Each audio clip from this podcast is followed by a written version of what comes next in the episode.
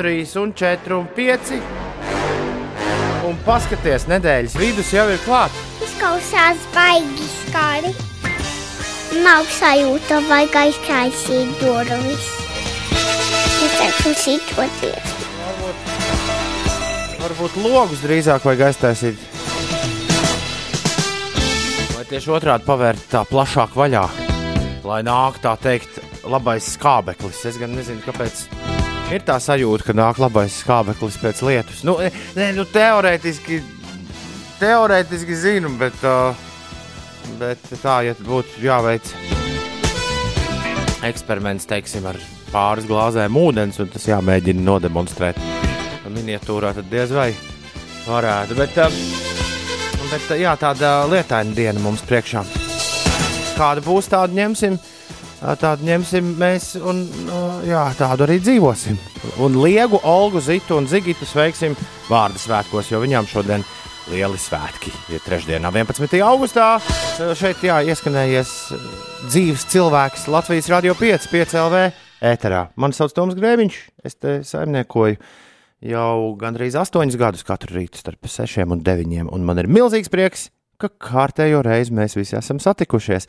Un vēl lielāks prieks, ne, ne, tikpat liels prieks, tas nav vēl lielāks prieks. Tikpat liels prieks vakar, pilnīgi negaidot, bija sagaidīt uh, pilnīgi jaunu mūziku no ansambļa, kas aizvadītajos gados manā dzīvē spēlē pirmo violi. Big Thief arī vakar laida klajā divas jaunas dziesmas, un šī ir viena no tām. To sauc Little Things.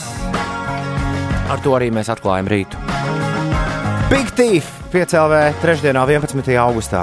Labrīt! Adriana Lankere, Baks Mīks, Maks Olerčiks un Džeims Krivenčī atpakaļ ar jaunu mūziku pēc šķiet apmēram divu gadu pārtraukuma. Big Thief un Little Things. 15 minūtes pārpusdien sešiem. Es ļoti ceru, Ines, ka es neesmu vienīgais, kuram šīs skaņas rītu padara bišķi labāku nekā būtu rīts bez šīm skaņām. Var jau būt. Mūzika saudabīga. Man patika. Cerams, ka arī tiem, kas ir pamodušies tagad. Nu, viņiem vajag kaut ko bišķi sagremojamāku, tad te būs. Es varu tikai tā aptuveni nojaust, kas notiktu, ja Sinesē šī tāds jautājums sākt uzdot. Jā, nu kāpēc man nav bagāti rati, to es arī nesaprotu. Grebeni es nekad neesmu gribējusi. Droši vien tos tur arī nē. Galīgi nē. 19 minūtes pārpusdienas sešiem. Labrīt, Inês, kas notiek? Vietām Latvijā līst lietus, galvenokārt tas ir īslaicīgs, bet vietām tas ir visai stiprs un arī ir pērkona negaiss. Piecos no rīta stiprākais lietus bijis starp Jēkabilu un Rēzekni, bet intensīvākā zibeņošana starp Liepāju un Pāvilostu. Dienas laikā lielākajā daļā gaidāms lietus, daudz viet būs arī pērkona lietus gāzes, intensīvs lietus vietām izraisīs arī zemāko vietu īslaicīgu aplūšanu. Lietus gāzes gaidāmas visos valsts reģionos, bet stipri nokrišņi būs tādi lokāli. Būtīs lēns vējš, negaisa laikā dažviet gaidāms brāzmains vējš, maksimālā gaisa temperatūra plus 19, plus 23 grādi. Arī Rīgā brīžiem gaidāms lietus, iespējamas pērkona lietus gāzes un pūtīs lēns, mainīga virziena vējš un gaiss galvaspilsētā sasils līdz plus 21 grādam.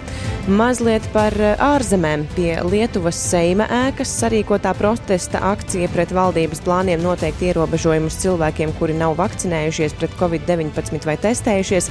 Vakar vakarā izvērtusies sadursmēs, policija pielietojusi asaru gāzi un pret dažiem mītiņa dalībniekiem lietojusi arī spēku. Savukārt daži protestētāji policistiem metuši ar ūdens pudelēm un akmeņiem. Vīnē šodien sāks Eiropas čempionāts pludmales volejbolā. Tajā Latvija pārstāvēs visi trīs spēcīgākie pašmāju dueti Anastasija Kravčēna un Tīna Graudiņa, Aleksandrs Samailovs un Jānis Šmēdiņš un, protams, Mārtiņš Pļaviņš un Edgars Točs. Nabagi viņiem, nu. Atpūsties neļauj nemaz. Tieši tā, tieši tā. Nu, pat tā bija liels piedzīvojums dzīvē. Nē, uzreiz atkal. Jā. Sezonas turpinājums. Jā, jums tomēr neaizmirstiet Es zinu, es treneris. Neaizmirstiet, ka ir sezonas turpinājums un visas tās olimpiskās spēles ir jāatstāj aiz muguras. Jā, vispār šogad tās nebija paredzētas, tāpēc Jā, tas turamies mēs- pie plāna. Vo, vo, vo, vo. Tieši kaut ko tādu viņš arī. Tiem nabagiem volejbola bumbas sapņos rāda. Pagaid, bet tas, ko tu mums uzzīmē par to, kas vakar ir noticis Viļņā, tas izklausās bišķi pēc uh, pilsoņu kara. Lūdzu, lūdzu pastāst, ka tas ir, ka tas ir ka tas ir nopietni, daudz. bet, uh, protams, cilvēki ir neapmierināti. Bet, uh, nu, ir pamats un nav pamats būt neapmierinātiem, bet uh, realitāte ir tāda, kāda ir. Vajadzētu sadzīvot visiem ar to. 6,21 minūte. Tu teici, ka kaut kur pērkons ir? Uh, jā, Kur tā ir? pērkons uh, pirms stundas ir manīts Liepājā un Pāvilostā, bet dienas laikā tas uh, būs arī citviet. Bet radio viļņos tagad zibens. Ah, Labrīt, Rīga, labrīt, Latvija, labrīt, pasaulē! Labrīt, šeit pieci rītī, mini versija. jā, mini-versija. Ine, Ines un Toms. Tā, man liekas, antivakseri nevis pret vakcīnu, bet vienkārši pret raksta Siguldas Edgars šorīt. Ja, piemēram, būtu kategoriski aizliegts vakcinēties, tad, manuprāt, tie paši cilvēki pilnā balsī pieprasītu vakcīnas un ietu uz mītīņiem, lai ļauj vakcinēties. Siguldas Edgars, tev ir interesanti doma, Tie parasti ir pusauģi, Siguldas Edgars, par ko tu runā. kuri vienmēr ir pret. Jā, pret Jā. jebko, jā. Bet varbūt. Uh, Šovakar, Ziniet, kā katrs jau savā sirdī jūtas tik jauns. šovakar, jūtas? šovakar skatīsimies ģimenes filmu, visi ģimene kopā. Nu, nē, nebūs nekāda filma. Šovakar neskatīsimies ģimenes filmu. Kā neskatīsimies? Kas, kas ne, kopš kura laika mēs neskatāmies? Dosimies visi ģimene kopā pārgājienā. Nu, Kādā pārgājienā? Mēs šovasar nedosimies pārgājienā. Kāpēc mēs nedosimies Forši nekas nav kopīgs Jā, visai jā, jā, ģimenei. jā, jā. Nu, nezinu, var jau būt. Mums ir uh, darbā leduskapīts, no kur visu kaut ko var paņemt. Ir īpaši agrās rīta stundās. Tas ir, tas ir kaut kas tāds, kas pirms septiņiem gadiem, pirms astoņiem gadiem, kad mēs šo sākām, uh, bija rādījās mums tikai sapņos. Mums ir leduskapīts, tad tu tur kaut ko paņem, tad tu mēģini uzskaitīt, ko tu un kā paņem, un, uh, un tad tu mēģini kādā brīdī par to norēķināties. Un vakar es biju atskrējis uz radio vēlreiz, jo vakar man bija DJ skolas sesija ar dāmu, kur es uzmanu Hertu pulksten trijos dienā. Un kamēr Harta tur lika savas mīļākās dziesmas playlistē iekšā, es nolēmu, ka ir pienācis laiks man nopirkt limonādīti un norēķināties par visām limonādītēm, kuras es aizvadīto nedēļu laikā esmu paņēmis. Un uh, liels bija mans šoks. Kopā es biju piecas limonādītes paņēmis no Latvijas skāpja. Liels bija mans. Tāpēc arī mē, mēs arī nesīk pa laikam domājam, kāpēc uh, cilvēki, kuri apkalpo bufeti, paļaujas uz mūsu godu prātu. Es tev pateikšu, kāpēc. Nu? Es aizgāju samaksāt par piecām limonādītēm. Kā tev liekas, cik viņi vēlējās no manis par piecām limonādītēm? Trīs eiro! Kāpēc tik maz? Kop Kopenhāgenes vai Helsinku centrā tu pat tādu naudu nenopirksi. Vienu Paga, limonādīti. paga, paga. Sanāk, ja tu pērc visu laiku pa vienai, tad tas sanāk dārgāk. Ja pa piecām limonādītēm, nu labi, kādas limonādītes? Nu, re, to jau, to jau es tagad nestāstīšu, vai ne? Ēterā, bet, uh, bet es biju tiešām patīkami pārsteigts. Tas nozīmē, ka limonādīt nu, tikai nu, bija čūčūču virs, virs pašizmaksas. Vai šeit maksā? Mm -hmm. Tā kā uh, nu, līdz ar to arī. mm, Es domāju, tur viena limonādīte, turp viena šurp, tā tur tā sīka vienība. Bet uh, labākais tajā brīdī, kad es vēlējos norēķināties par savu limonādīti, pēkšņi man sāk tas bankas aparāts teikt, ka ir darījums atteikts, darījums atteikts. Es vakar saņēmu jaunu kredītkarti, to momentā. Uh, jā, šī ir mācība. Pirms mēneša es- man ir divas kartes. Pirms mēneša es saņēmu vienu, es to kaut kur nobāzu. Un tagad rezultātā es gaidu nā, to pašu vēlreiz. Jo tiklīdz tev, tiklīdz tev banka atsūta jaunu karti, atver vaļā aploksni, tā pieregistrēšana reāli caur, uh, caur telefonu prasa vai caur datoru 20 sekundes. Paņem, pieregistrē, punkts, tu palaid, lai viņi dzīvo, un viss. Un sa Jā. savāc un, un darbojas. Nevis tā kā es ai, kaut kad vēlāk pieregistrēju. Noliec plauktā, ja, kurā nevar pēc tam neko atrast. Šādu kļūdu es pieļāvu pirms mēneša. Vakar, saņemot otru karti, es sapratu, nē, tagad uzreiz momentā es plēšu vaļā, es iereģistrēju. Viss ir labi. Bet telefons, nes kāpēc, vairs nedara to funkciju, kas viņam bija jādara. Ah. Es atceros, ka kāds no mūsu klausītājiem vienreiz man kaut kāds līdzīgs gluks bija. Man šķiet, ka kāds no mūsu klausītājiem ieteica vienkārši noinstalēt no bankas aplikāciju. Un uzinstalēt jauna. uzinstalēt no jauna. Es to neesmu vēl izdarījis, bet šodien es to izdarīšu. Jo uh, internetbankā man parādījās interesants uzraksts. Jā, jūsu izmaiņas. Es tur mēģināju slēgt iekšā ārā, nu, tur to uh, Jā, uh, viedos norēķinus. Parādījās uzraksts. Jūsu atjauninājumi būs spēkā pēc tam, kad jūs būsiet nākamreiz ielicis karti bankas automātā. Es vakar speciāli pēc skriešanas treniņa gāju uz veikalu, bāzes karti automātā. Domāju, viss strādās. Aizēju nopērkt tur limonādes veikalā, pīkstini nav. oh, oh. bet tev vismaz līdzi bija karte. Man līdzi bija karta. Man arī šodien līdzi ir karta, ja nu gadījumā arī instalēt no Ā, es tik instalēt ļoti atpakaļ. negribētu. Es nelietoju karti ikdienā. Čakaru, kāds Es ir tev? es Es esmu vēl joprojām palikusi old school. Man nav ne pīkstināmā karte, ne karte. Man ir telefonā, ne pulkstenī. Tas ir tik ērti. It kā jau, jā, piemēram, aizvakar, kad es aizmirsu nejauši mājā maku un uh, gāju uz veikalu, jau ielēju krūzītē kafiju un paņēmu tur mazliet našķīšus. Es pie kases sapratu, ka man nav maka līdzi. Tad, uh, protams, būtu bijis ērti, ja man būtu pīkstināmais telefons vai pulkstenis, bet pārdevēja bija gana laipna un teica, atnesīsiet rītā. Ja ir jauna karte, tad pirmo reizi jāsamaksā ar jauno karti, saka Vārtsargs Emīls. Hmm. Mm, labi, šo, mē, šo mēs pārbaudīsim. Pēc deviņiem no rīta es mēģināšu vēlreiz samaksāt par piecām, nē, nu jau laikam seši, nē, piecām limonādēm. Es neesmu sastāvā vēl paņēmis. Par piecām limonādītēm.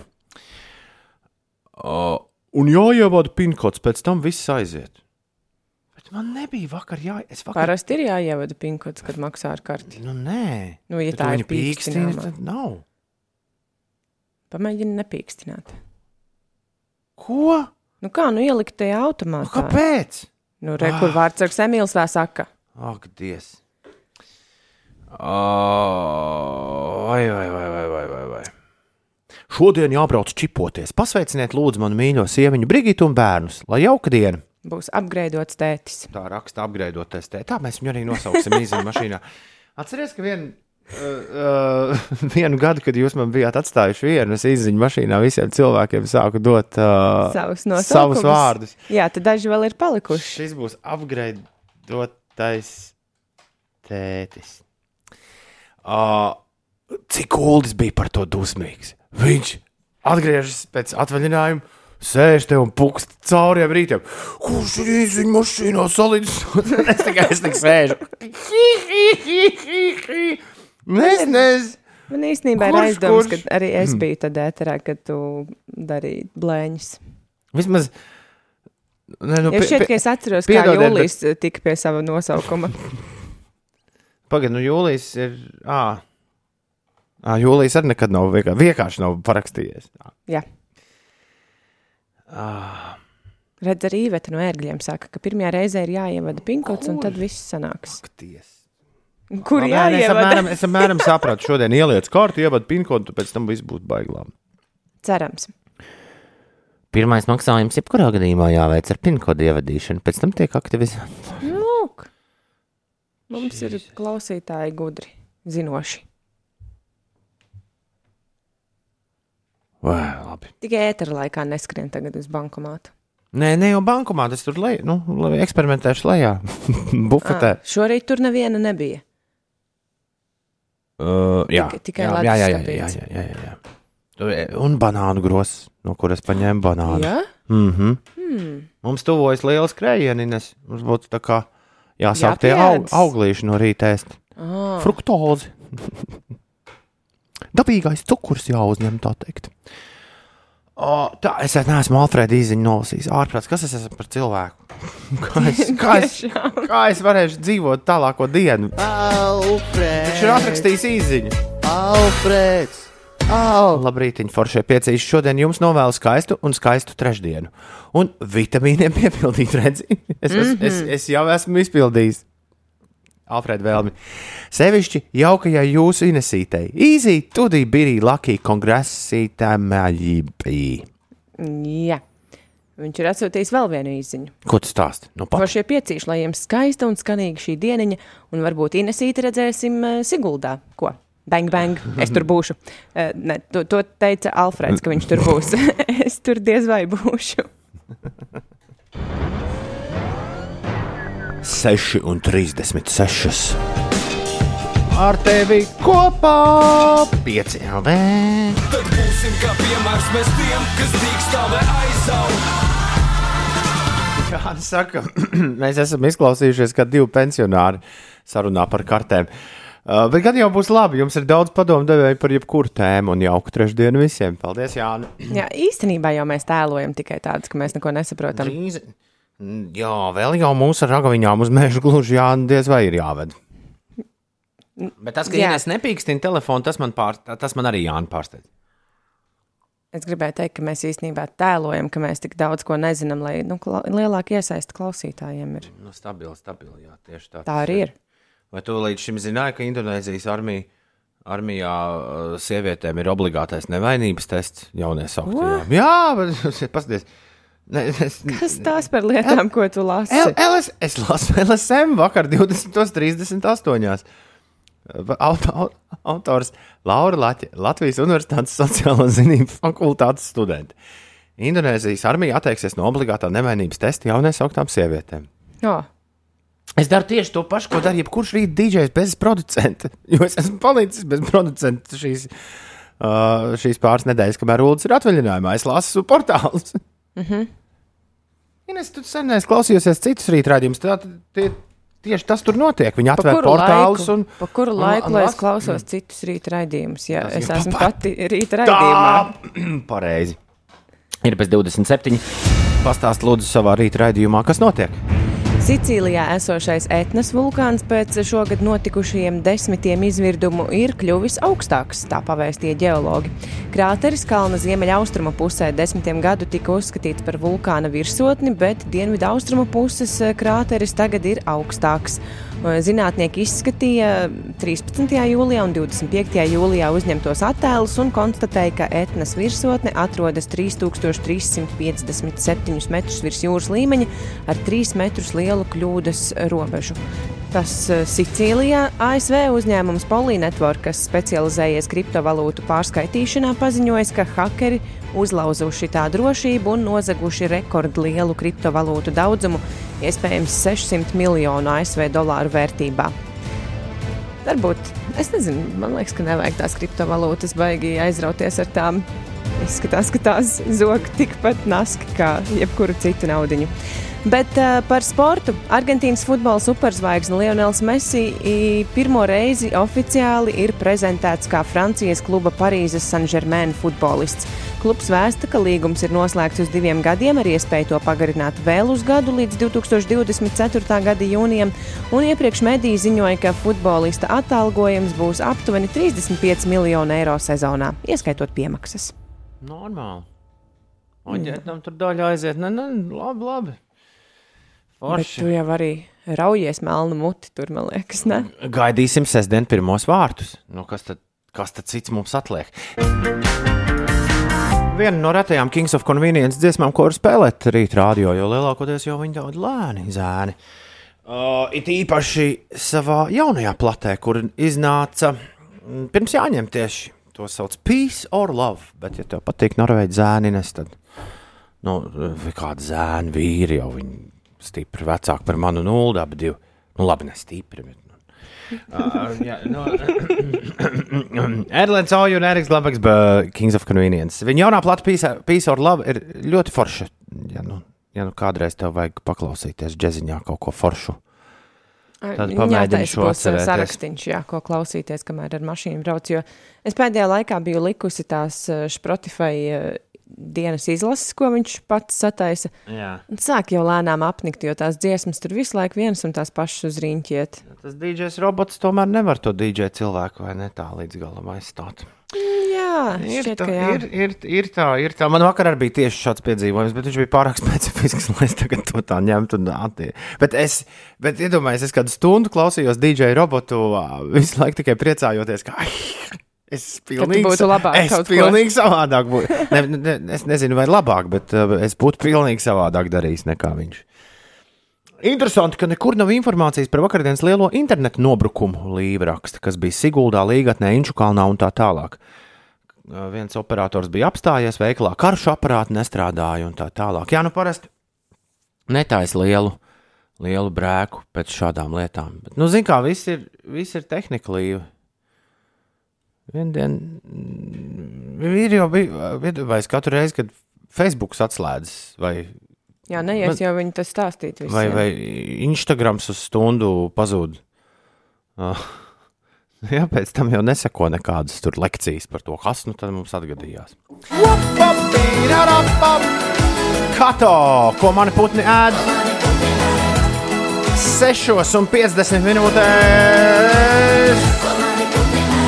50 minūtēs. Un tagad būs Laika mašīnā.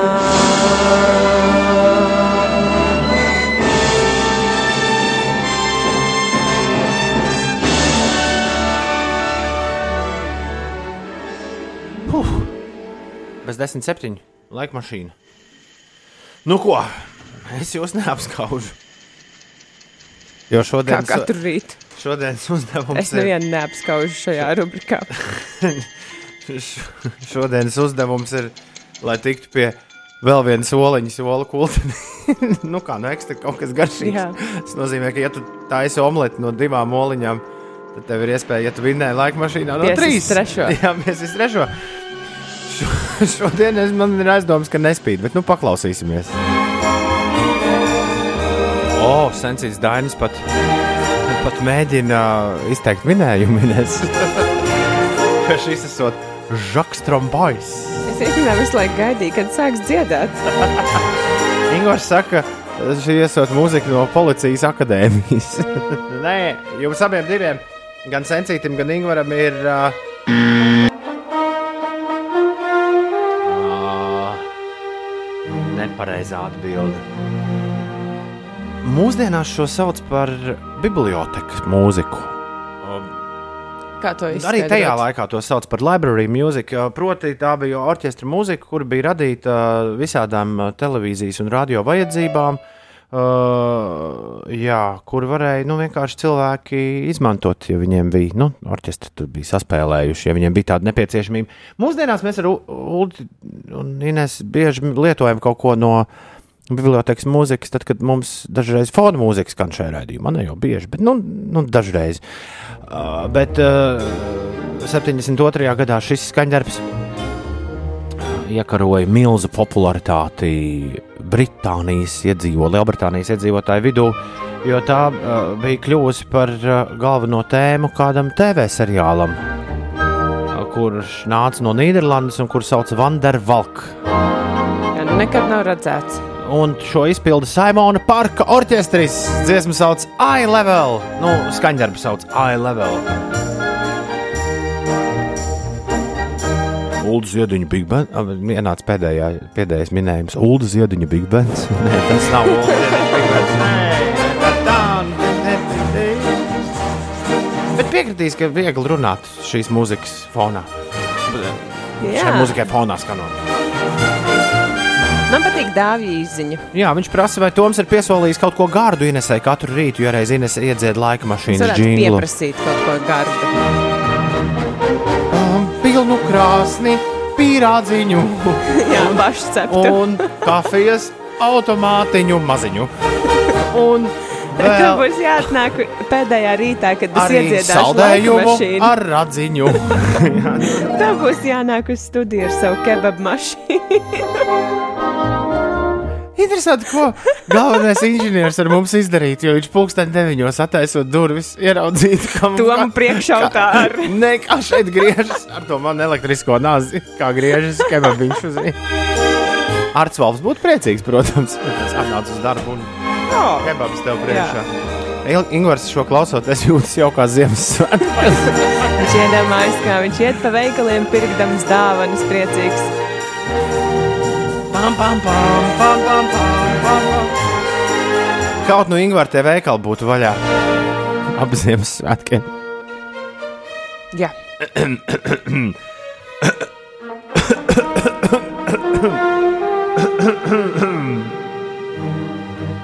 Es parasti biju gaidījis, ka Inês pieprasīs revanšu un kaut ko citu dziesmu vēl spēlēt laika mašīnā, bet laikam tā nebūs. Šīs dienas laika mašīna noslēgusies. Grēviņš pret cilvēci. Uzvarējis ir grēviņš! Juhu! Mazliet negodīgi tie apstākļi jo tu jau katru rītu vari izvēlēties. Vai tu uzvarēsi, vai uzvarēsi pārējie? Ja godīgi, es pats neizvēlos. La, Ak, tā. es nestāstīšu sistēmu, kā es izvēlos, bet es pats neizvēlos laika mašīnas dziesmas. Tā kā mieru, tikai mieru. Astronauts. Lidmašīnas režīmā. Uh, lidmašīnas, kā tas ir lidmašīnas režīmā? Tā, ka tu izslēdz telefonu, ieslēdz telefonam lidmašīnas režīmu, un tevi neviens nevar sazvanīt. Tā es biju izdarījusi pagājušajās, Tā nevis pagājušajās brīvdienās, bet uh, atvaļinājumā. Mūsdienu paudzes tā dara visu laiku. oh, man tik ļoti tā patīk darīt. Nu, Tev vajag kādu dabūt rokās. Ja man Nē. ikdienā arī izslēgts skaņa telefonam, To, to, to, man- to man kuls uzvelkas. Šo domājot. Tā nevajag darīt. Tā, labrīt, jā, šeit raidījums spēles pa galdu. Divas spēles kopā ar jums. Pī, pī. Es vienmēr esmu tevi uzskatījis par runci šajā raidījumā. Bet labi. Nekā nebija. Es, es, es esmu pie vadības pogām. Es varu sadalīt lomas. Nu jā, tieši tāpēc tu esi runcis. Nu kā, manā bērnībā un ulu bērnībā bija tāda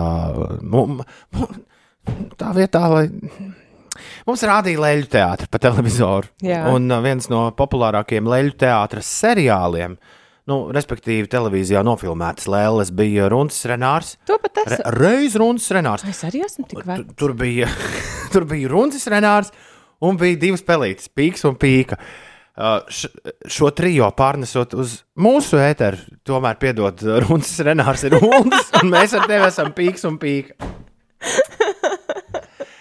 Sorry, tā ir. Labi, Bet, īstenībā tas izklausās diezgan mīlīgi. bet tā kā, jā. bet tā kā runči, tā kā runči nav, šeit ir nu, tāds maziņš bardaks. Ines, piemēram, jau stundu mēģina izspiest, mums drīz būs ciemiņš. Ines jau stundu mēģina izspiest ciemiņu vārdu un uzvārdu. Ciemiņš ir režisors Mārtiņš Kagainis. Viņš būs ciemos pie mums, var pierakstīt. Inesē vienkārši ir nu, caurlaidi jāuzstājas, un iespējams tev būs arī jāaiziet viņam. viņam Jā, es nezinu, kāpēc es pakaļ. pat izdomāju, ka man tāds aurlaid ir Ne, tu izdomāji diezgan- nevajadzētu. Tu izdomāji diezgan loģiski, jo savādāk es tev būtu pulksteni 8 un 5 minūtēs teicis, klausies, pēc 15 minūtēm mums būs viesis. Es esmu sarunājis, ka viņš 8.20 būs lejā. Mm -hmm. uh, jā, ar trīs izrādēm rīt, nē, uh, 13. un 14. augustā. Tas ir piekdiena un sestdiena. Laikmetīgajā koncerta zālē, tu jau zini, kur Latvijas galvaspilsētā norisināsies amerikāņu autora Jonatana Larsona pasaules slavu un atzinību guvušā mūzikla Rent izrādes.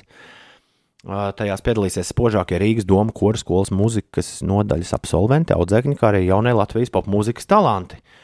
Un šī izrāde, šis mūzikls aktualizē, kāda Ines, es zināju, tev taču patīk mūzikla. Tāpēc arī Mārtiņš mums. Mūzikls aktualizē HIV-AIDS problemātiku un vēstu par atkarībām, multikulturālismu, seksuālajām minoritātēm, bet pats galvenais - cilvēcība, draudzība un mīlestība par to, kas tas, kas tas ir un, un, un kas, kas ir šie jaunie Latvijas supermūziķi, kas tur piedalās un kā vispār ideja par šī mūzikla rent atvešanu uz Latviju notikusi. Par to mēs ar Mārtiņu par, parunāsim.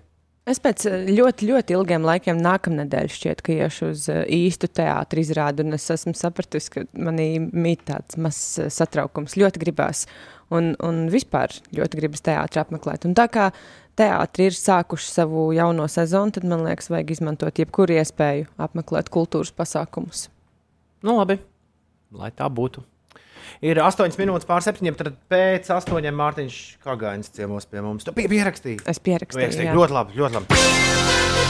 Ah! Un tagad iesita. Pēkšņi tā kā augsta duša uzgāzās virsū realitātes sajūta. Jo Haidī trešdiena jau ir klāta. Uh, kas to būtu Tas domājis? ir nereāli. Ko es tur redzu Twitterī, kas darās un Facebookā? Vai ne? Vai ne? Nereāli. Kaut kas absolūti nereāls.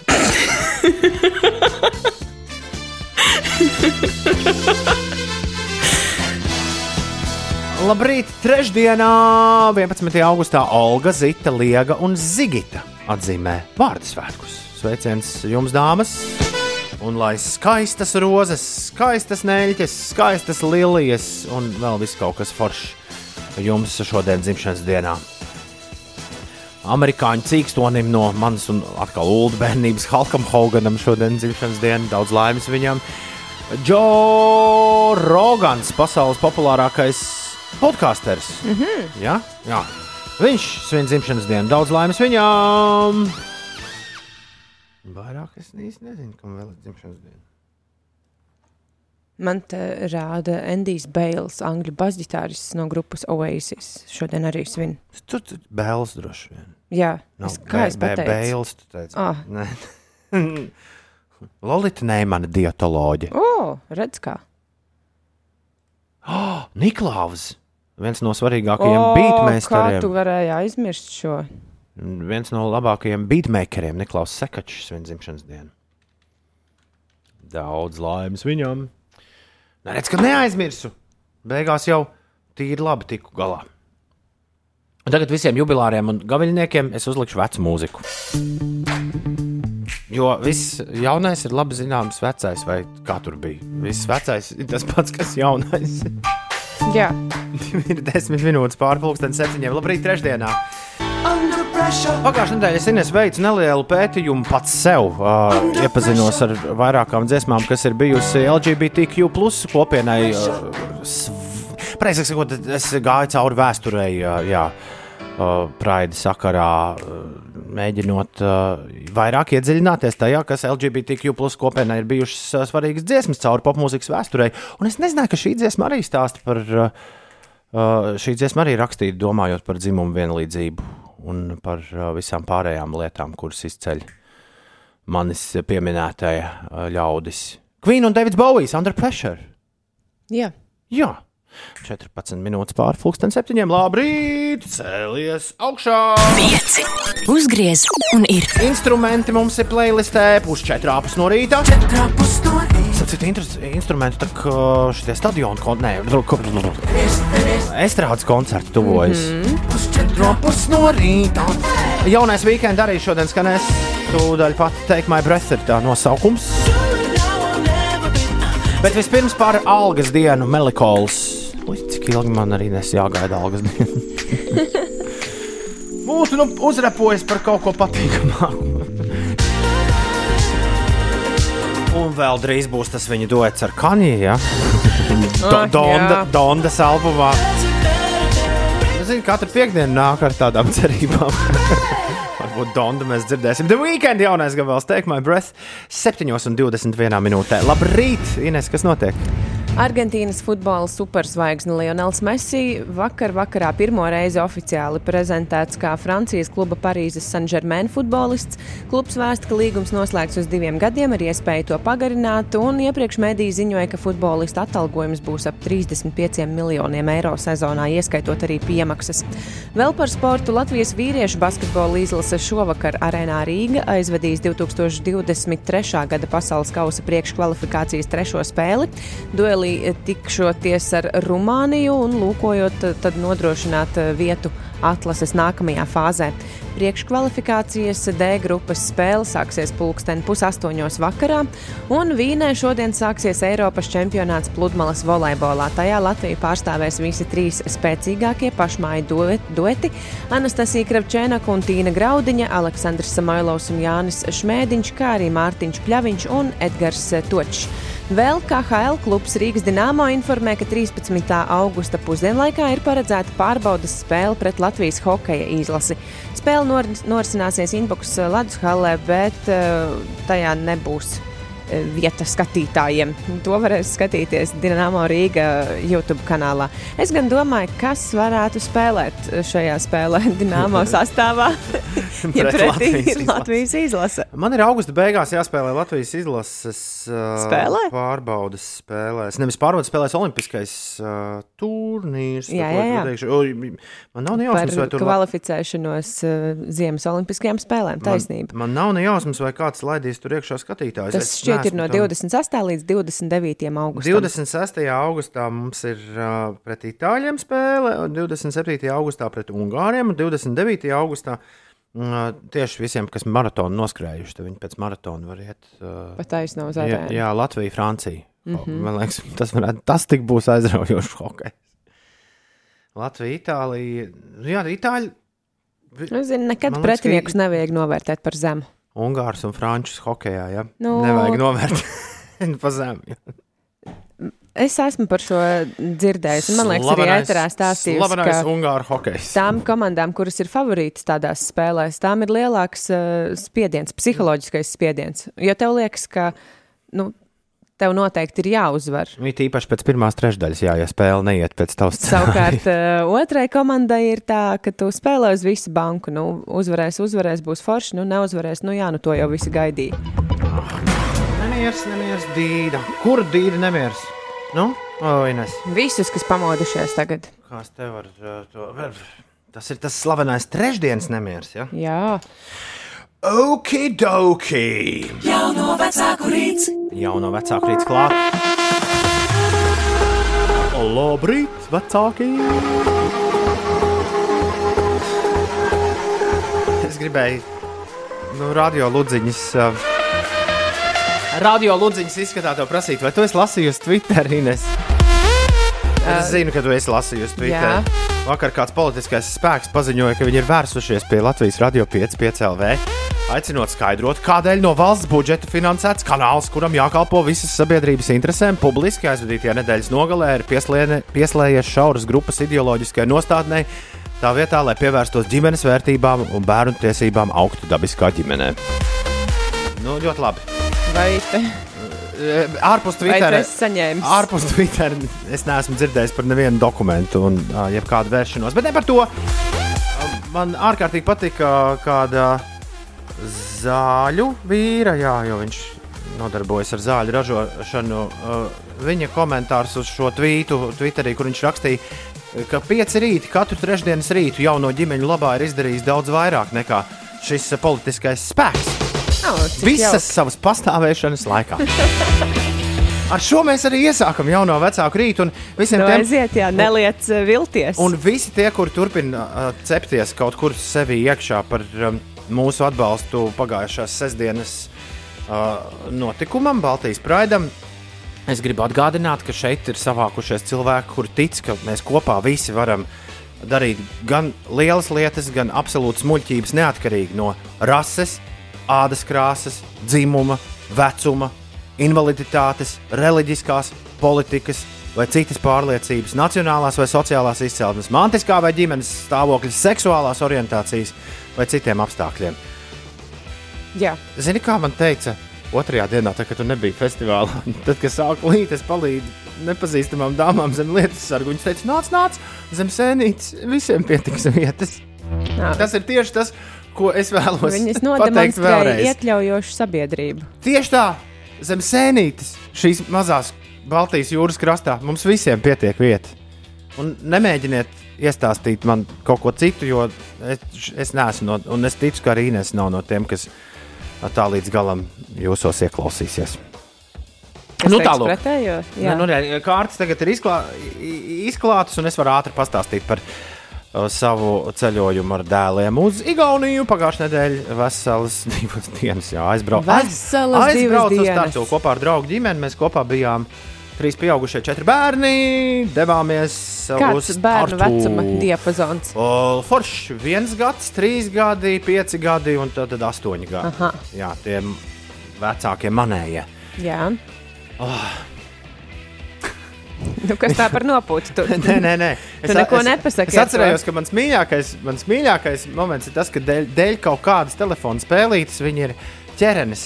Mani, mani bērni ir ķerenis pārsaukuši par mērkaķi. Proti, tas, kurš ir tajā brīdī, kuram ir jāķer, tas ir mērkaķis. Bēgam no mārkaņa. Viņi visu laiku, man draugi, vecākajam dēlam, visu laiku Klau, ejam uzspēlēt mērkaķi.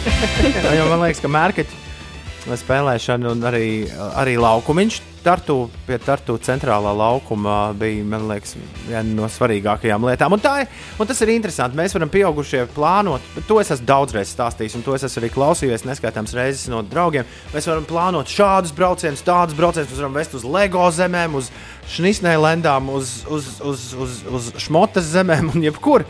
Bet beig beigās tā bērnu lielākais prieks ir vienkārši normāla interakcija. Nu, ar uh, savu vecumu cilvēkiem, neatkarīgi, atkal, neatkarīgi no rases, ādas krāsas, valodas, kādā viņi runā vai vecuma. Viņi... Jā, kas diez sabojāt tos cilvēkus, kad viņi izaug lieli? Oh. Viņi sāk domāt kaut kā tādu. Uzmini, nu, jau no vecāku rīta. Bet, uh... Bet, jā, klau, uh, uh, divas lietas, kuras mēs darījām, un vienu mēs darījām tikai un vienīgi pateicoties mūsu klausītāju ieteikumam. Uh, bet sāksim ar pirmo lietu, kur mēs darījām, kas mums pašiem vienkārši šķita forši. Jo pirms, um, pirms pieciem, nē, nu jā, pirms pieciem gadiem mēs devāmies ļoti līdzīgā, līdzīgā kompānijā, bet toreiz bija tikai vēl man bērni. Mēs devāmies uz Igauniju, Evertam. Tas bija pirmais manam vecākajam dēlam ārzemju ceļojums. Mēs apmeklējām AHA centru. Viena no galvenajām domām šajā ceļojumā bija apstīties, kā šis AHA centrs ir izmainījies pa šiem pieciem gadiem. Mm -hmm. Un man bija milzīgs prieks, ka es ienācu vietā, kurā man bija sajūta, ka, wow, jā, es atceros pāris tās visforšākās lietas, tās tur ir palikušas, bet vispārējo viņi ir nomainījuši. Viņi ir ielikuši visādas jaunas uh, lietas. Un pie tam man šķiet, iespējams, ka es kļūdos, Bet atšķirībā no tā, kādas bija biļešu cenas uh, no toreiz, tad, kad tas bija jauns un pilnīgi svaigs pasākums, jā, tad, tad Tartu zinātnes uh, centrs ir tas, par ko es runāju. Uh, man šķiet, ka viņi ir palikuši draudzīgāki, jo tur komplektā bērni plus pieaugušie tur ir visādi nu, kombo, kurus tu sataisi. Un, un tas nu, galīgi, ņemot vērā, īpaši kādas ir cenas citur Eiropā, nu, galīgi, tas, tas, tas viss ir pa kabatai. Uh, Un to, protams, ļoti novērtē arī, par ko es te stāstu. Daudz jaunie vecāki bija tajā pašā dienā, kad arī es tur uz vietas arī no Latvijas. Un, Un fēni, ka visur latviešu valodā, tev arī apraksti, nu, jebkurai uh, vietai. Man liekas, ka mēs kaut kā solidarizējamies Baltijas valstu starpā, nu, tādās visādās Jā. lietās. Kā jau teicu, tur šobrīd drīkst pēc Igaunijas noteikumiem, ja kaut kas nav nomainījies pa nedēļu, jo, jo tur nu pat stājās spēkā jauna drošības noteikuma, drīkst 500 cilvēku atrasties uz vietas. Mm -hmm. Tev ir liels dators, kurš rāda to, vai ir vai nav tie 500 cilvēki tur iekšā.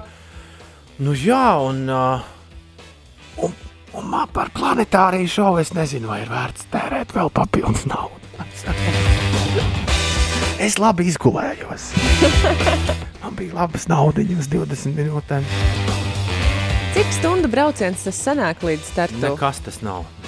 Es domāju, trīs, vai, trīs vai, pus, liekas, vai bērni nosēdēja. Jūs ar mašīnu braucāt? Jā, mēs izdomājām ļoti, starp citu, ši, šo es pats nekad nebūtu izdomājis. To izdomāja šoferis.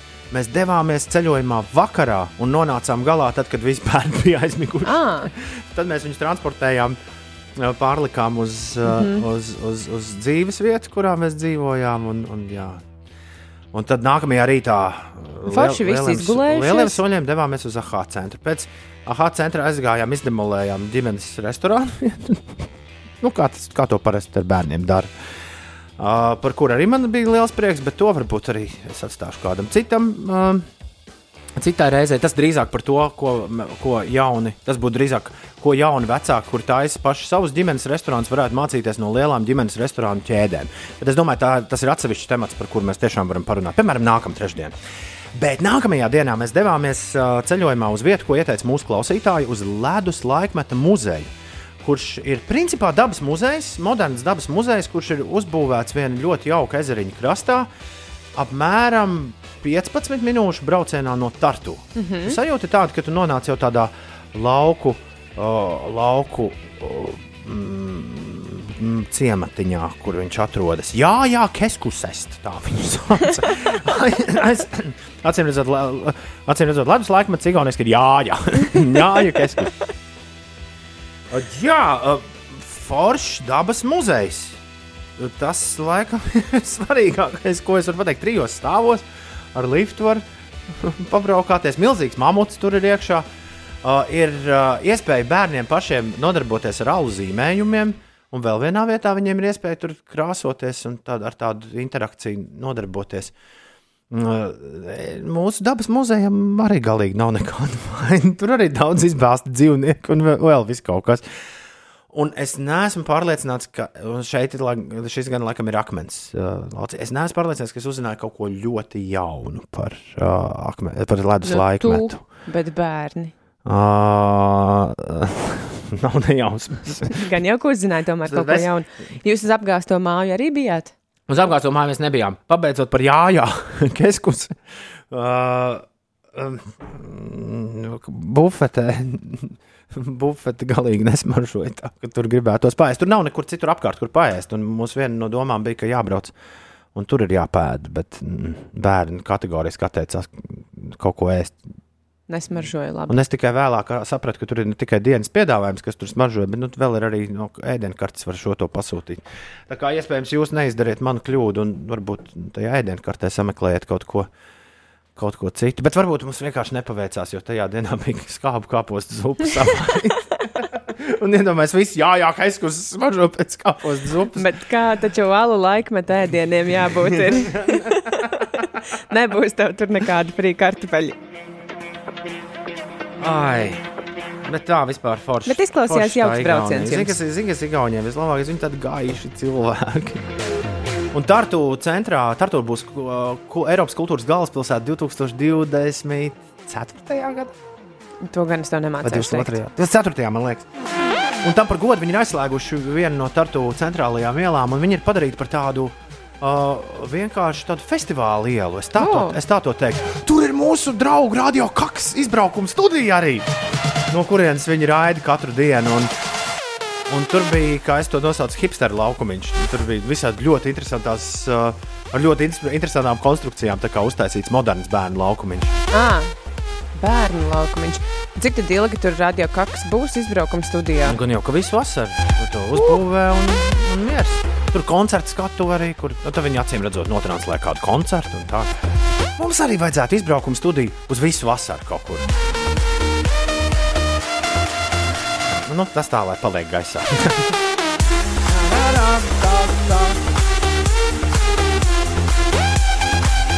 Un labākā valgas kafejnīca, kurā mēs beigās paēdām, TripAdvisorā numur viens valgas kafejnīca. Ir fantastiski, jo tur ir milzīgs bērnu laukumiņš iekšā kafejnīcas pagalmā. Un tur dod to šniceli ar sēņu mērcīti, ar nega negaidīto gailiņu mērcīti. apakšā.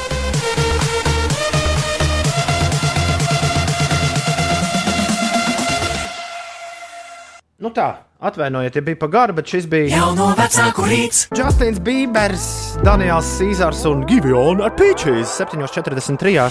Ines, kas notiek? Remontdarbi notiek būvdarbu laikā. No šodienas līdz 15. decembrim būs ierobežota transporta līdzekļu satiksme un arī gājēju kustība Sateklas ielā virzienā uz centru. Satiksme tiks ierobežota Sateklas ielas posmā no Elizabetes ielas līdz Marijas ielai. Tas galvaspilsētā.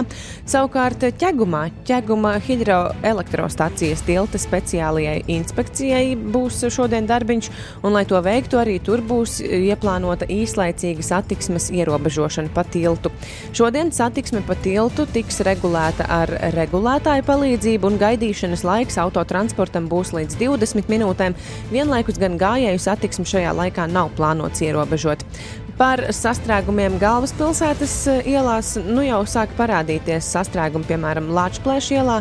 Tas eh, nobraucot no salu tilta, kur remontdarbi notiek, tur ir jārēķinās jau ar 8 minūšu aizkavēšanos, un sastrēgumi veidojas arī citviet, ierastajās vietās, Kroksilas, Balošs pagrieziens, tur 9 minūšu kavēšanās. Citās ierastajās sastrēguma vietās jārēķinās ar aptuveni 4 līdz 5 minūtēm. Un par laikapstākļiem šodien, šodien lielākajā daļā valsts gaidāms lietus. Daudz viet būs arī pērkona lietus, gāzes intensīvs lietus, vietām izraisīs arī zemāko vietu īslaicīgu aplūšanu, bet eh, nu, diezgan silts, plus 19, plus 23 grādi. Arī galvaspilsētā brīžiem gaidāms lietus un plus 21. 7,44. Top 10. O, trešdien, un top desmitnieks. Mm, o, Par ko tad eh, runāsim? Es uh, saņēmu, šorīt sākām runāt par bankas kartēm. Iesākot raidījumu, es stāstīju par savām nedēļām. Jā, jā, pensionāru sarunas, te bija senioru sarunas. Es stāstīju par savām nedēļām ar jaunu, nu pat aktivizētu karti, un ka telefonā kaut kas neiet. Bet, jā, es, piemēram, veselu mēnesi prokrastinēju, un tad, kad es biju pazaudējis iepriekš atsūtīto savu jauno bankas karti, es veselu mēnesi gaidīju, lai viņai notek termiņš. Atrast es viņu, protams, vēl joprojām neesmu atradzis, kuras mājās viņa nobāzu.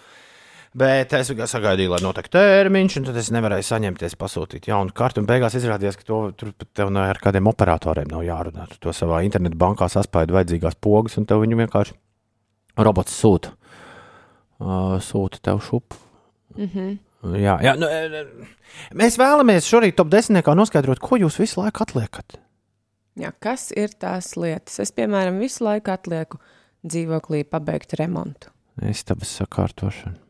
Nē, to es, to es neatlieku. Bet, nu, remonta sīkumiņi visādi, kas it kā kaitina, bet tajā pašā laikā nevar saņemties e, pabeigt. Mēs šorīt top 10. vēlamies apkopot jūsu desmit atliktās lietas. Kas ir tas, ko jūs atliekat? Nu, ko vajadzētu izdarīt? Nu, būt for... Patiesībā varam, var, var, to var izdarīt šodien. Jā, patiesībā to varētu izdarīt. ne? Bet, um, Bet to šis var izdarīt- pagaidīt. Bet to var izdarīt arī rīt, vai Jā. ne? Vai ne? Jā, Kas tas ir? Sūta šurp 293, 120, 293, 120, un mums būs atlikto lietu top 10 jau visai drīz. Top 10. 7,46. Labrīt! Šeit pieci rītī un Fred again. Rolands Čē, Marko Polo 7,54. Pirms tam Fred again un Blessed Madonna, Marija, Viva Lost Dancing. Labrīt! Šeit pieci rītī! Uh, grēviņš, bez ziediņš un puķeka. jā. Pīks, pīks un pīka. jā. Nu, man patīk šie pseidonīmi. Vis, visu uzmanību pīku ģimene apvainosies. Kurš? Uh, visu uzmanību tagad būs Top 10. šorīt. Top 10. kā esam apkopojuši jūsu desmit atliktās lietas.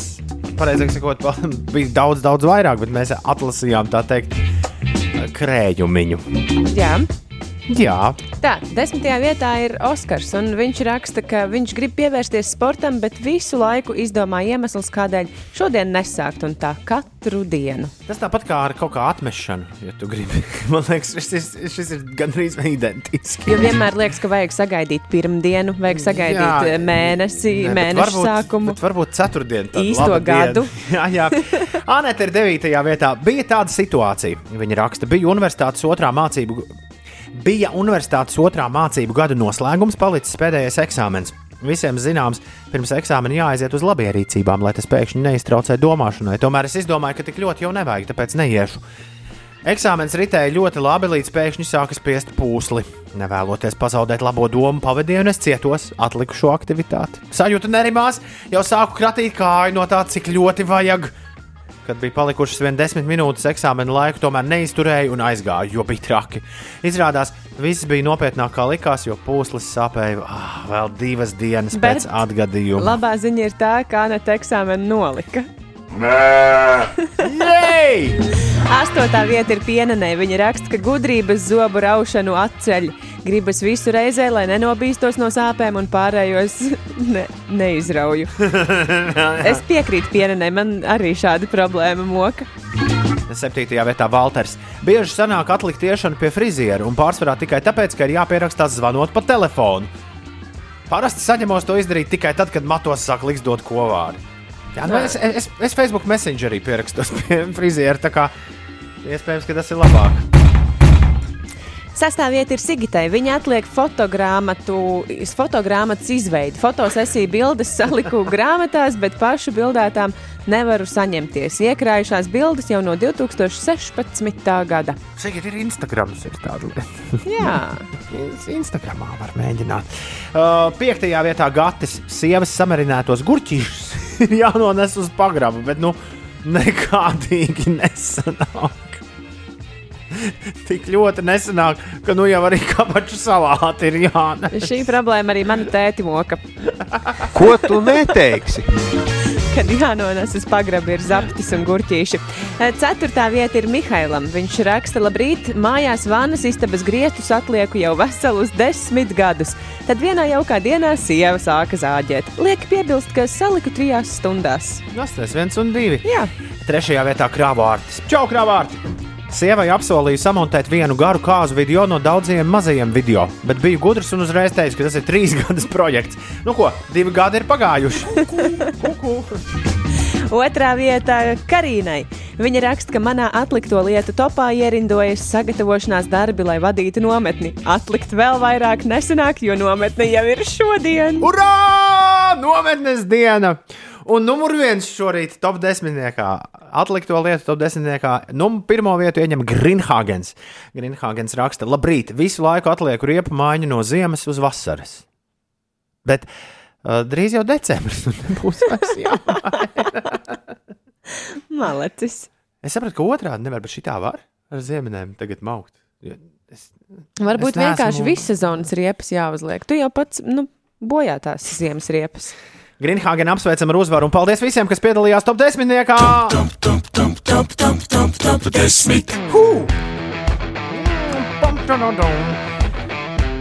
Kaut ko no tām atliktajām lietām varētu šodien izdarīt, ne Ines? Nezinu, varbūt rīt. Pieci. Uzgriez. Un ir. Septiņas minūtes pār astoņiem. Pa, tu uzgriez un ir. Pasties. Kāds pārsteigums? Jej! Te mēs esam! Te nu mēs esam! Kur tad ir tas jubilāra papīrs? Slavenais! Ah, jā. Nu, aiziet. Pagaid, pagaid, pagaid. Ja mēs uzreiz ķeramies klāt jubilāra papīram, tad. Pirmkārt, ir jāskan šai muzikai, otrkārt, ir kā katru rītu šai laikā jāieskanas. Mūsu Rīga Latvijā! Tad Inesē ir jāuzdzied. Iet pa ceļu, nagu laks, nagu laks, nagu laks. Un Gunaram Aboliņam vēl jāpasaka, Mieru. Tikai mieru. oh, 11. augustā mēs esam labu rītu. Kā jums iet? 11. augusts. Šodien Īpaši vārdu dienas svinētājiem, kādiem iet šodien. Olgai, Zitai, Liegai un Zigitai, man liekas, pilns telefons jau ir izziņām un Instagramā visādi, visādi feini apsveikumi. Tā, tā, zini, kā tu vari uztaisīt cilvēkam ļoti īpašu sajūtu? Kā? Visticamāk, ja tev ir kāds paziņš, kuram šodien ir dzimšanas diena, tu tev Facebook parādīs. Ja tu vēl tādu veco ļaužu sociālo tīklu izmanto, viņš tev parādīs, kam šodien ir dzimšanas diena. Nevis raksta tam cilvēkam Facebook apsveikumu, bet aizraksta viņam vai nu izziņu, vai arī uh, kādā citā sociālajā tīklā. Tici man, efekts būs daudz foršāks, jo bez, nu, rodas uzreiz, oh, viņš atcerējās. Jā, cik jauki. Zinām, vēl Jo, ja tu uzreiz Facebookā raksti, tad, ah, nu jā, viņš jau ieraudzīja, ka man ir dzimšanas diena. Bet tā tu to apēji. Ļoti veiksmīgi. Šodien jums ir jāraksta jā, citā sociālajā tīklā Lolitai Neimanai. Kas veicina dzimšanas dienā, Jā, vienalga, vai pazīstat vai un, nepazīstat. un vienam no vissvarīgākajiem beatmakeriem, Niklāvam, Niklāvam Sekačam, šodien ir dzimšanas diena. Daudz laimes, Niklāv! Lūdzu, taisi tālāk. Tikpat foršus beatus. Mēs viņus sveicam no visas sirds. Un ārzemēs tur, man liekas, bija kaut kādi cilvēki, kurus mēs varam mierīgi izlaist. Bet, ja nu viņi ir mūsu pastāvīgie Jā, klausītāji, jā, tieši jā. tāpat kā Antonija Banderas. jā, jā, jā. jā, jā. Ko? Es zinu, kad jāmē- jāvelk tas ulu jingls ārā kārtībā reizē. Ko tu neteiksi? 9 minūtes pār 8. Nu, bet to. Jā. Šis ir mans mīļākais Ulu jingls. Tā Ulu saka, ik reizi, kad es uzlieku prāta vētru. Nu, bet to. Nu, un kur tad tas Ulas ir pazudis? Gads prasa. Vispār, Ulu, tu esi pamanījis, Ulim sāk prasīties atpakaļ. Pus- Jā, viņš pusotra- pēkšņi ierakstījies ir eh, mūsu chatiņā. Jā. Viņš gribēja, lai mēs šorīt Guns N' Roses jauno dziesmu spēlējam. Viņi patiešām ir jāsūta uz Latvijas radio viens. Tu noklausījies to jauno dziesmu? nu, nē, bet kāpēc, kāpēc gan? Varbūt tā ir vērtīga. Bet viņš pats ir pierakstījis. Ja nu kas tur nekā nav, tikai šmaki nevietā un vietā. Nu, tas mm -hmm. š, aizvietojot kādu labu vārdu. Uh, ir uh, 8,13. pareizais laiks. Labrīt! Ir 3. un 11. augusts. Mums visai drīz būs ciemiņš. Mēs parunāsim par mūzikliem un par vienu konkrētu mūziklu, ko šajā nedēļas nogalē varēs redzēt. Varēs redzēt Rīgā režisors Mārtiņš Kagainis ciemos pie mums jau pavisam drīz, taču muzikāli esam uh, kārtīgas vasaras vēlās veltes jums sarūpējuši. Pieci. Tu klausies pieci. LV. es nezinu, no Tas kurienes- bija varants pieteikums. Es nezinu, no kurienes man nepatīk. Droši vien no tās kafijas krūzes izdzertās krīt ārā šajā rītā. Bet jā, šaus un love tonight mums ir playlistē, mūzika arī ar sekundēm. Bet vispirms jungle. Tas tas, kā es jūtos, Ines, katru rītu. Kad... Es jau neskatos uz Tausties Es tur- apkārt? Nu kā, es tur sataustu, kur pogi jāuzspiež, tad dažreiz tās mikrofons ieslēdzas, dažreiz neieslēdzas. Bet tev ir jāpriecājas par to, ka nu, ir sanākusi situācija, ka tavs, ka tavs uh, mikrofons ir ieslēgts. Beidzot. Ar ko arī tevi apsveicu?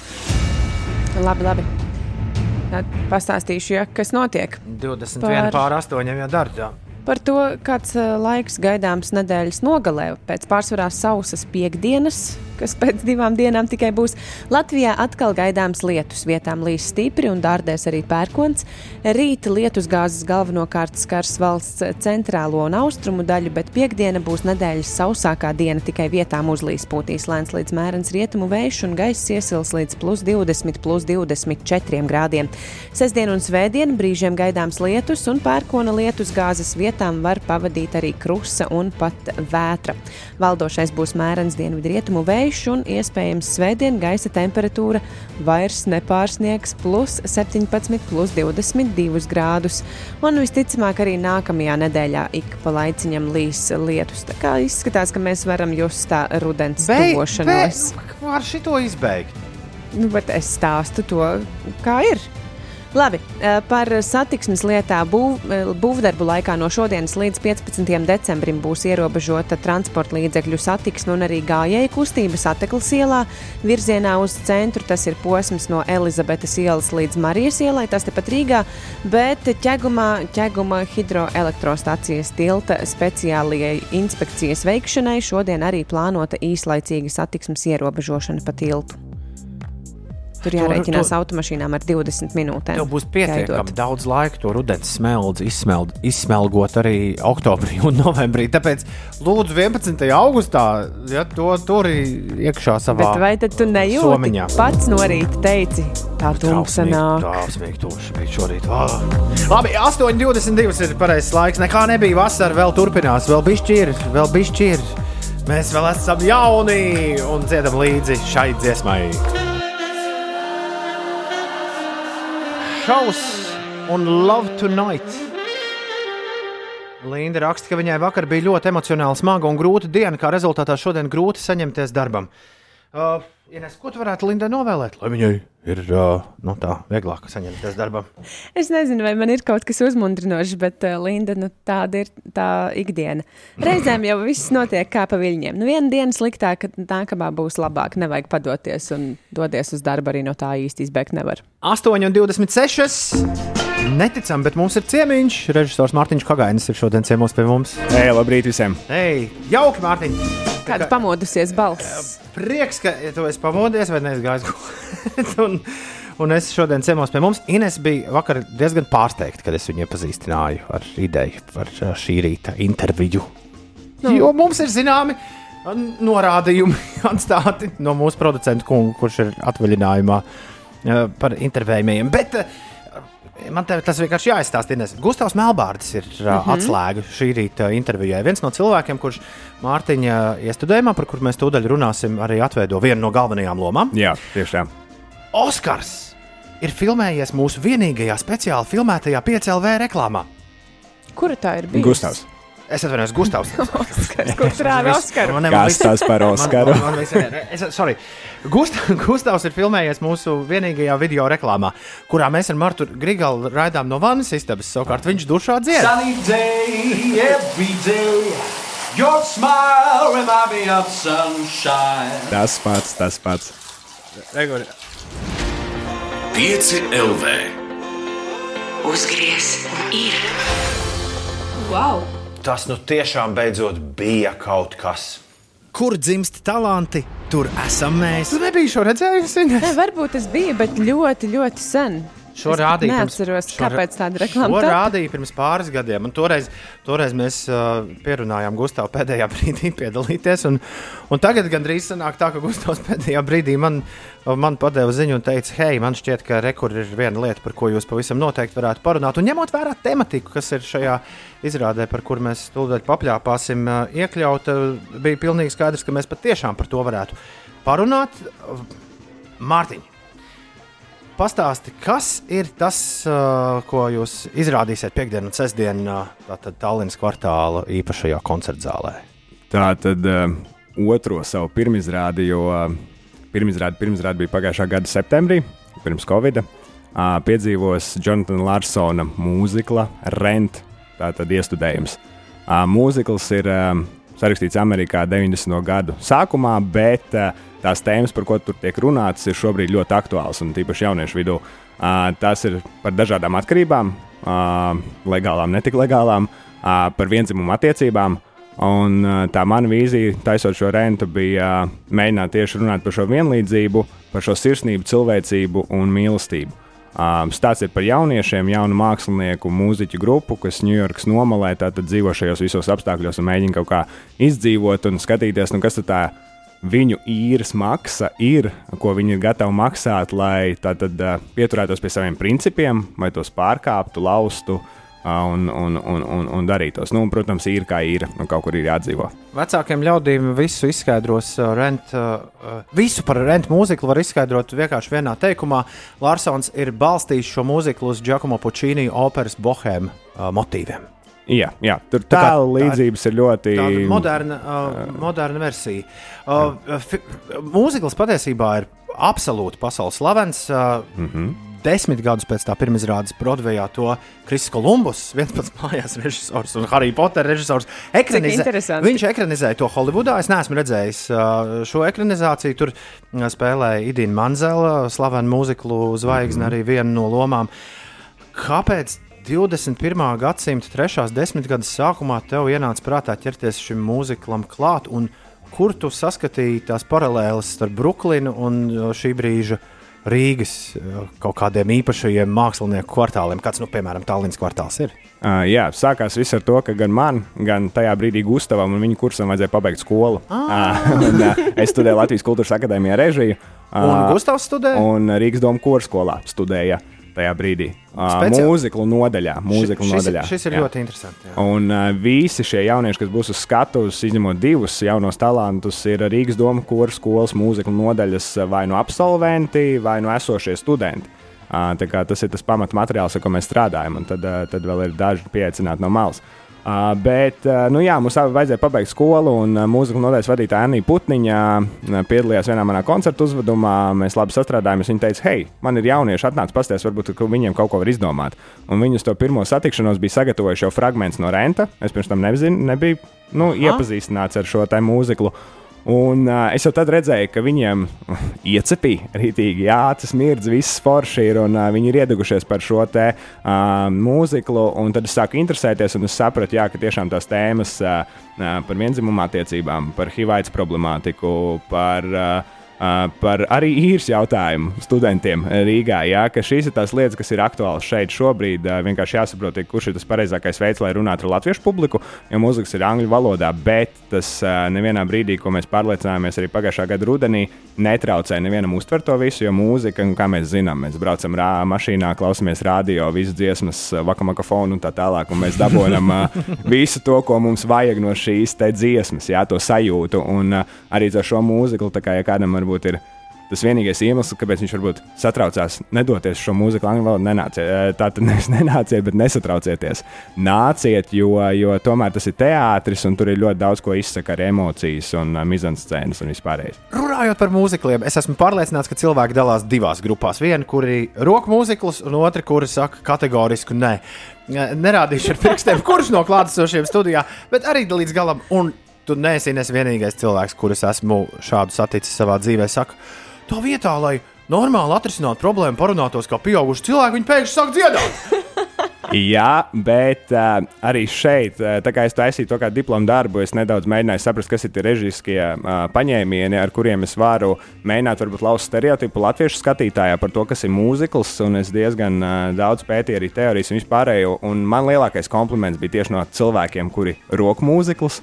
Un viņi teica, hei, klausies, bet, ja šī tāds ir mūzikls, tad man patīk, un es esmu gatavs nākt skatīties. Jā, Nu, Atklāja vienu no saviem paņēmieniem, kas ir tas, ko parasti mēs neieraudzīsim skatoties mūziklu Vestendā vai Broadwayā, bet ieraudzīsim tavā mūziklā. Uh, nu, Latviešu skatītājs, uh, es tās izsacināju, uh, nav pieredzējis pie nelineāra stāstu uztveres. Un, uh, tas, ko es darīju, es mēģināju šo mūziku padarīt pēc iespējas mazāk numurveidīgu, bet uh, iepinu iekšā paralēlās darbības jau pirms tam vai pēc tam aktieriem. līdz ar to tas latviešu skatītājs jau, viņš jau saprot, ah, nu, re, kur viņi, nu, nevis, ka cilvēks iznāk uz numuru, nodzied numuru, aiziet prom, mm -hmm. bet viņam jau ir iedotas darbības, kur viņš dzīvojās telpā, uz skatuves, jau neatkarīgi no tā, ka viņam vēl nav teksta. Un līdz ar to skatītāji latviešu sagatavo vairāk. Viņš jau saprot, ah, nu tā situācija tur mainījās, skaidrs, viņš jau dzīvojās, darbojās. Nu, tā tad man to ir vieglāk uztvert. Un vēl mēs ar aktieriem strādājām pie tās. Dabiskās teatralitātes, ko prasa, ko prasa mūzikas žanrs, jā, jo nu, cik mēs esam redzējuši, ka mēs no priekiem sākam dziedāt, vai otrādi - paliekam dusmīgi un sākam dziedāt. Un tas ir ļoti sarežģīts process, bet uh, es nebaidīšos teikt to, kā mums izdevās sasniegt to filigrāno pārēju, ko es arī esmu redzējis tādos nopietnākos mūziklās Vestendā. Ka tā pārēja no eh, dziesmas, no teksta uz dziesmu ir tik ļoti filigrāna, ka viņi netraucē un viņa neatliek atpakaļ. Hei, tagad sākās dziesma, un es vairs, vairs tam neticu. Ja? Viņi tiešām spēja noturēt šo dramatiski aktieru nu, līniju, aktierisko. Bet es saprotu, ka Rent ir mūzikls, kurā īpaši nav uh, runāšana. Nē, viņš viss ir, viņš viss ir muzikāls. Tātad tur uh, vis, visas attiecības tiek risināts. Izņemot pirmo sākuma prologu, tekstu galvenajam varonim, viņš viss tiek uh, risināts muzikāli. Principā varētu teikt, moderna opereta. Uh, jā, nē, no operēta ir pirmsākums mūzikliem. Tā kā, no, jā, jā, jā, jā. Labi, labi, labi. Bet tā ir. Mēs varam saukt to par modernu operētu. Par aktieriem vēl nedaudz. Markus Rūtentāls, Gustavs Melbārds, Nadīna Podīnska, Toms Kalderovskis, Jaroslavs Orlovs, Emīlija Pavlovska, Grēta Grantiņa un Edvards Griezer. Jā, Tie, spēlē. astoņi galvenie. Kur ir, uh, kur ir tie, kuri nav mācījušies domu koru skolā? Uh, Edvards un Toms. Aha, viņi ir piesaistīti Jā. šim, šim visam. Uh, labi, vai ir vēl kas jāzina? Nu, jā, protams, derīgs digitālais Covid certifikāts nepieciešams. Jā, tiem, mums ir kas zaļais, vēlas. zaļais pasākums, Kas vēlas 13. šo un redzēt. 14. augusts. ā, Tu jau zini, kur. Uz ko visi arī apmulst. Nu, daudzi apmulst. Neviens Ja tu īsti runā. nezina, Un kur. kur Tas ir- būs? Tu tas jau ir zini, kur. vienkārši. Tā, tas ir tas angārs, Tallinas kvartālā. Jā, Man liekas, jā, tur jā, jā. Nu, tur būs grūti nepamanīt. Jums plānots tikai divas šīs izrādes. Trīs. Trīs. Ir ā, piekdiena, viena, septiņos vakarā, un uh, sestdiena ir 12. Tas ir uh, rīta radioprogrammas cienītājiem. Nē, nē, nē. Nu, tie, kas ir sešos cēlušies, un viņiem jau ap 12. viņi var sākt vakaru jau svinēt. Un otrs sešos vakarā. Jā. Skaidrs. Ļoti laba ideja nedēļas nogalē tiem, kas paliek galvaspilsētā. Paldies, ka atnācāt šorīt mums par šo pastāstīt. Paldies, un, ka uzaicinājāt. Es, es esmu patiešām saintriģēts. un Varbūt Es jūtu, ka es arī mazliet, jo nu, tu teici, ka tie cilvēki, kas parasti roku mūziklus pēc šī saka, ka nē, šis man tomēr patīk. Varbūt man arī ir jāaiziet paskatīties, no, pamēģ- un es mainīšu savas domas. Pamēģināsim Ines nogrūst no iemītās tanciņas un uzliekam vienu dziesmu no Renta tiesa. Ne Latvijas uh, ansambļa izpildījumā, bet no uh, manas minētās Kris Kolumbus kinofilmas aktieri Džēna uh, Jane Rozentāla, Rob. Uh, nē, ko es tam mūldu, tie producenti. Rozārio Dawsons, Teija Digza, Idīna Manzela un vēl kas netika uzdziedās skaņdarbu, kurš ir tā kā tituls skaņdarbs šim mūziklam. Ja? Jā, viņš ir, es teiktu, sākuma pirmais, kas iebliež kārtīgi skatītājiem par to, ka būs. To sauc tieši tāpat kā pašu mūziklu Rent. Piektdien un sestdien ķeriet to Tallinas kvartālā. Paldies! Šorīt pie mums ciemos studijā mūzikla režisors. uh, Mārtiņš Kagainis. Tieši tā. Ir uh, 8,37 minūtes. 5 rīta kopā ar jums. No preses relīzes aizmirst pieminēt Ines, ka visus, visu mūziku garumā solists un kori pavada instrumentālā grupa piecu mūziķu sastāvā. Tā kā šis raksturs skanēs uz vietas.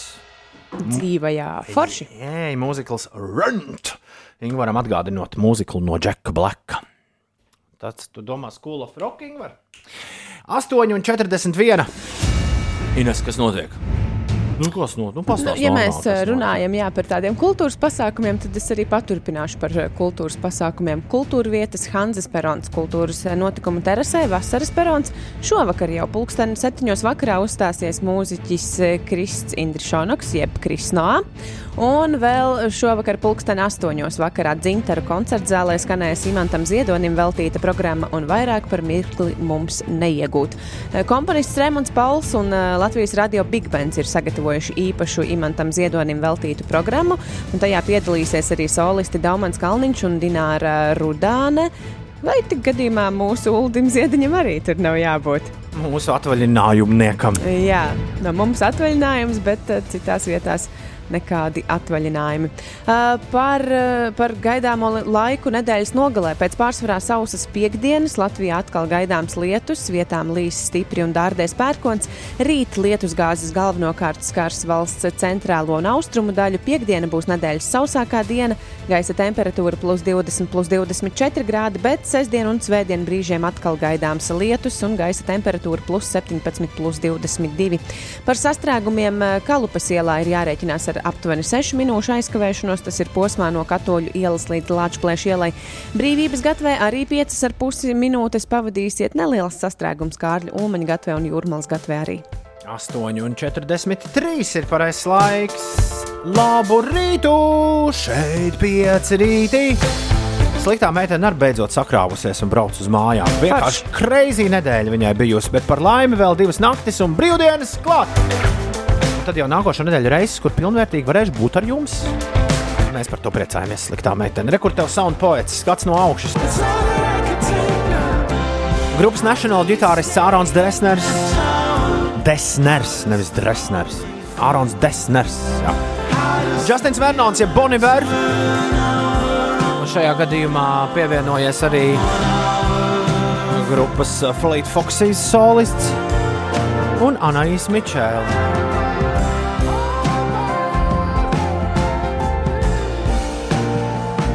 Tā kafija nedara labas lietas. Cilvēki nevar arī, nevarēja arī Robinu Peknoldu bez googlēšanas atcerēties, nu, kurš ir Fleet Foxes solists.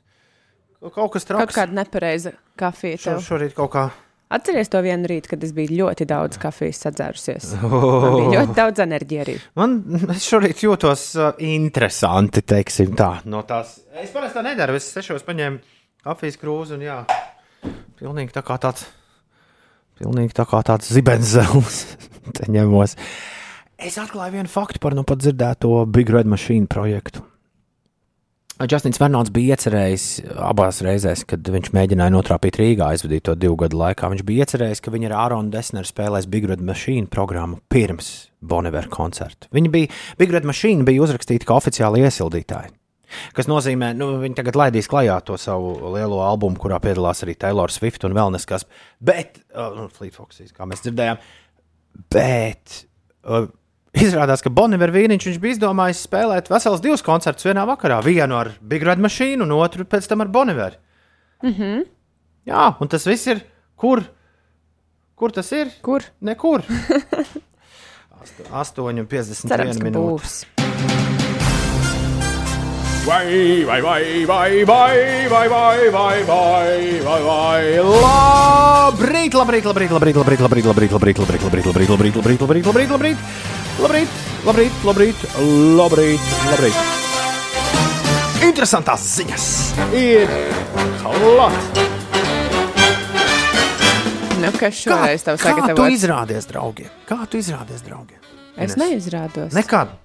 Nu, Nekad. kā tas ir Nu, aiziet ar meitenēm kaut kur. Nu, nu, tā, nu, čiņ. Es beigās speciāli tiešām neizrādos. Tagad tu man tā pajautāt, man ar, es arī Nu, īsti nezinu, kā ir, kā, kā ir izrādīties. Tēlot to, kas tu īsti nesi, vai kā? paņemt saules brilles līdzi, kuras nu, brīdī, kad nav saules. lūk, šo es nekad neesmu sapratusi, Lietainā laikā cilvēki- ierasties ar saules brillēm festivālā. Tā ir izrādīšanās, jā. Jo, Jo pasties, jo tu parādi, ka tev ir saules brilles. Nu, apmēram. Kādas zos ir nofotografēta lidojuma kājām gaisā? Pats fotogrāfs bija diezgan sašuts, ka viņš nevar normāli zos nobildēt. Bet viņš ir aizgājis pie dzīvnieku speciālista un prasījis, vai tā ir normāla parādība. Un tas speciālists ir atbildējis, ka zos šādi izrādās saviem biedriem, ar kuriem lido kāsī. Ē, Skaties, es māku ar kājām Es gaisā. esmu labāka. Jā. Un uh, es ieliku piecu rītu Twitter kontā, kā izskatās vēkšpēdus uh, nofotografētās zos. Bet tas pats interesantākais šajā fotografijā ir tā, tas, ka viņai galva ir pareizajā virzienā. Viņai laikam kakls grozās Čī! 360. Unbelievable! Nu, vai 180? Nu Jā, varbūt arī 360. Ir savādāks kakls. Propellers. Propeller kakls. Trakas lietas. Amerikas televīzijas skatītāju interese par Tokijas Olimpisko spēļu pārraidēm bijusi Ne- visu laiku zemākajā Ah. līmenī. Nu jā, man likās, man, man gribējās tā arī teikt, nekāda. Bet kāpēc? Zemākais rādītājs kopš 88. gada. Pff. Kopumā, te man liekas, ir arī skaidrojums. Televīzija un straumēšanas platformās pārraidīta Olimpisko spēļu satura apmērs NBC sasniedz jaunu rekordu - 7000 stundu. 7000 stundu! Man olimpi olimpiskā spēle, eh, olimpiskās spēles arī likās, nu kā nu uztais, kā es te teicu, uztais vienu kanālu, kāds principā arī bija LTV7, kur tur rāda vienkārši savējo startus un viss. Nu, priekš, man visādās platformās, Ines, nu nepārspīlējot, bija kaut kādi 30, 40 kanāli, kurus skatīties olimpiskās spēles. Nu, nu kā tu cilvēks var izvēlēties? No tā visa, un te, te arī beigās tas notiek. Beigās kā, tu izvēlējies kaut ko citu skatīties. Konkrēti sporta veidi, piemēram, kas tev ļoti interesē. Nu, it kā jā, bet es tādā pat laikā, visā tajā bardakā, es nekur nevarēju Nevarēji atrast, atrast, nevarēju atrast jā. kur rāda futeni, piemēram. Jā. Nu, Man re- bija līdzīga Nu, problēma. re, nu, re, te ir arī atbilde. Tā, uh, Džemijam Oliveram gan jau, ka šo amatu, par kuru tūdaļ pastāstīšu, būtu easy peasy dabūt. Bet vai to easy peasy ir arī dabūt, piemēram, nu, Mārtiņam Sirmajam vai Valteram Zirdziņam? Neņemšos spriest. Bet Bekingams pilsētas pavārs ir nolicis karoti, negluži, bet novilcis savu balto uh, telēķi. Ja? Jā, nolicis savu cepurīti un, malā. Un, un Bekingams pilsēta meklē jaunu šefavāru. O? Es iedomājos, kā par šo šorīt cepas Britu. Un, ja šis parādījās vakar, vēlu vakarā, šī ziņa, es ie- iedomājos, kā šorīt Britu brokastu šovu par šo cepas.